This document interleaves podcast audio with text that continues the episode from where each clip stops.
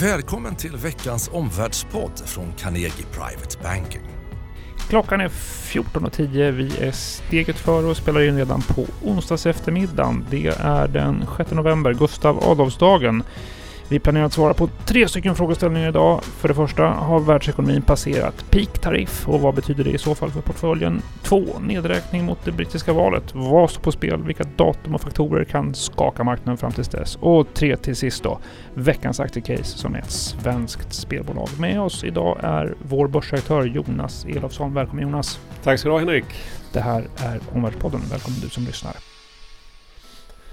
Ja Henrik, vad, alltså vi har sett bättre mood music här på, för marknaden inför det så kallade fas 1-avtalet, alltså mellan USA och Kina. Och eh, nu ser vi förhoppning om att USA ska ta bort de här tullarna som de införde på kinesisk import. Vad, Henrik, vad, har världsekonomin passerat mm. peak-tariff som du sa?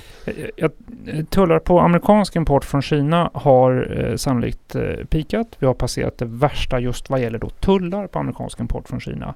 Eh, dels därför att de här importtullarna redan är relativt omfattande eh, och dels för att det finns också skäl då att, att tro, att göra den bedömningen att den amerikanska presidenten ett år före valet nu vill hålla börskurserna höga. Han vill hålla arbetslösheten låg och dessutom amerikanska konsumenter på, på ett bra humör. Eh, att de har en stark syn på sin egen finansiella situation så att säga. Så här, det talar emot ännu bredare tullar mot Kina och också delvis mot omvärlden då. Mm. Också Kina har intressen. Kina vill ju ha ett handelsavtal eh, för att öka den utländska efterfrågan eh, och dessutom stärka så att säga inrikes optimism och framtidstro mm. också hos både hos hushåll och företag i, i Kina. Så att det som har spelat roll för marknaden här det är ju så liksom att eh, hotet om en eskalerad tullkonflikt USA och Kina har blivit mindre. Det värsta scenariot, det worst case scenariot, är på väg bort. Eh, och det där är bra för börsen, det har varit bra för aktier, det är det vi har sett. Samtidigt förstås en viss försiktighet just nu. Den här optimismen är inprisad på, på marknaderna. Vi har en mycket nyckfull amerikansk president Eh, som återkommande destabiliserar ekonomiska relationer mellan, mellan länder. Han kan komma in i en ny cykel av eh, eskalering, det vet vi inte. Eh, och vi är i en situation med så att säga, liksom långsiktig strategisk rivalitet som tar sig andra uttryck mellan USA och Kina än bara tullar. Det, det ska man naturligtvis ha med sig i det här. Ja, det är onekligen eh, en hel del optimism men också en del försiktighet som du säger. Vad, vad, alltså när kan vi få ett fas 1-avtal eh, på plats och, och, vad skulle det då betyda för marknadsläget? Ja, det, det, var, det var planerat att skriva under under det här stora klimatmötet i Chile som nu är inställt. Det skulle, hållts, det skulle pågått den 2-3 december.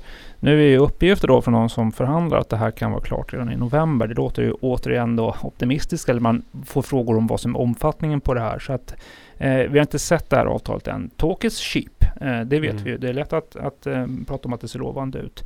Vilka reaktioner det här får då, det är ju förstås what's the nature of the deal? Hur, hur omfattande är ett, eh, ett partiellt avtal mellan USA och Kina? Det andra är förstås den här egna frågeställningen då, hur hållbar är den? Alltså det som sitter i det, hur ska man följa upp det? Hur ska det genomföras? Ehm, allt det där är ju viktiga frågeställningar. Och den tredje centrala då, så sagt, hur påverkar den utsikterna framåt in mot 2020?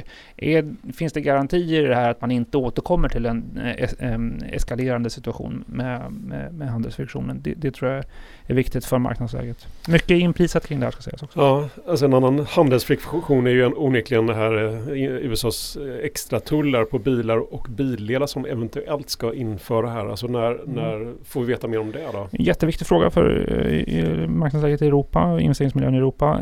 senast den 13 november, det nästa onsdag, så måste USA ge besked om de avser att agera med, med, med strafftullar på, på eh, import av amerikanska bilar och bildelar. Vi har här också då nyligen positiva uttalanden. Eh, verkligt ett, rejält, ett substantiellt besked från USA eh, om att de inte går vidare med extra tullar på, på EU-bilar. Eh, det tar ju bort så att säga, liksom en, det som har varit en absolut topp tre-risk för Europa under den här hösten. Ett sådant besked kan komma i närtid. Eh, eh, och i linje med de argument som anfördes för varför Trump vill hålla nere så att säga, friktion med, med omvärlden nu så, så jag talade väl svagt för att den här risken är på väg att eh, kan möjligen också kan plockas bort i varje fall till för ett besked i närtid som sagt. Mm. Lite ledande fråga kanske men vad, vad, skulle det betyda för, för sentimentet ja. för europeiska och, och eh, nordiska aktier? Eh, så naturligtvis ehm, eh, just tullar och hot om tullar slår ju mer mot aktier än många andra tillgångslag. Eh, när det är lättare så är det medvind för aktierna. Återigen, vi har sett det här delvis. Eh, tittar man på det särskilt i Europa då så, så har vi också då haft Brexit där det mest besvärliga scenariot har eh, eh, minskat i sannolikhet eller risk. Eh, delvis det har kommit av bordet får man väl säga sådär. Så att eh, i Europa har vi också då ECB som samtidigt har eh, ökat för ytterligare ehm, eh, stimulanser och köper nu, har gått från QT till QE. Så det, det, det, kan tillsammans med det andra vara mycket positiva nyheter för, för europeiska, kanske framför allt den tyska börsen och tyska aktier. Så vad, hur summerar du det då? Vad är slutsatsen? Givet en minskad politisk risk kopplat till Brexit-frågan, givet att vi kan ha det värsta bakom oss vad gäller tullkonflikten USA Kina, givet att vi också då kan passera hotet om biltullar mot EU, eh, har du undervikt mot aktiemarknaden i Europa så överväg vikta upp exponeringen mot Europa.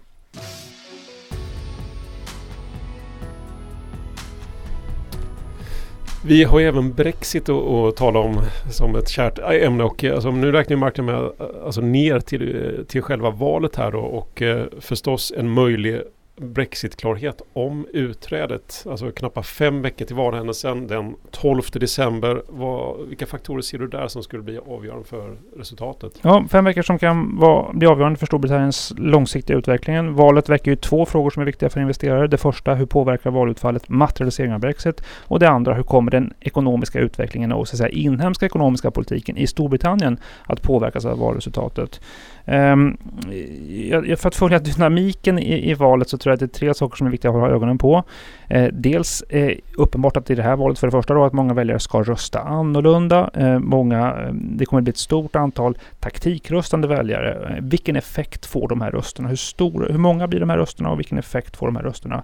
Eh, det, det, tror jag är en viktig faktor. Det andra är, som kommer vara viktigt, det var viktigt i det senaste valet, hur, hur landar Torypartiets manifest? Tory går för en egen majoritet, deras manifest kommer bli eh, väldigt viktig. En tredje faktor som man alltid kan ha med sig då i, i många valrörelser, det finns ett överraskningsmoment här. Är det någon händelse som seglar upp som särskilt viktig? Det, det, det kommer spela roll. Vad, och vad betyder då valresultatet för Brexit-utgången? Ja, det finns väl i varje fall tre, tre scenarier som, om man något förenklat pekar på det här. Det första är ju att eh, säkra Torypartiet en, en, en majoritet eh, och få, få regeringsmakten och också majoritet i parlamentet.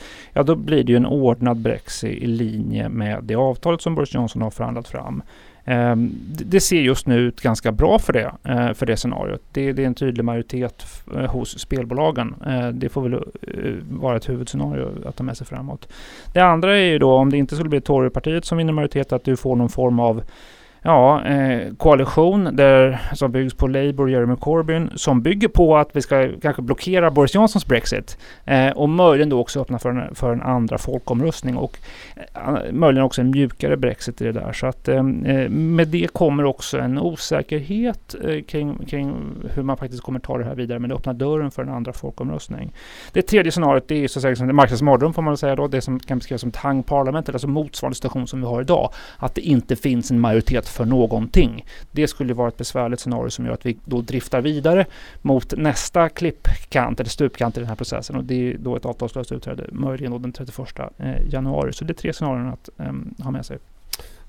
Om man då ska lägga in det här i sin Brexit-kalender, alltså vilka datum bör jag fylla på med, tycker du? Ja, ja tre datum, det kan man uppdatera här, men det är tre datum nu som man kan se som kommer vara kommandohöjder. Dels att ja, 19 november så är faktiskt den första tv-sända debatten mellan eh, Boris Johnson och Corbyn. Nu är det tv-sända debatter. De kommer vara då head mot head. Det tror jag blir ett viktigt tillfälle för det här. Eh, när just också manifesten, eh, Torypartiet och Labourpartiets manifest presenteras. Det är 24 och 25 november tror jag, något preliminärt. Det är relativt sent. Eh, och sen så förstås då 12 december, valdagen.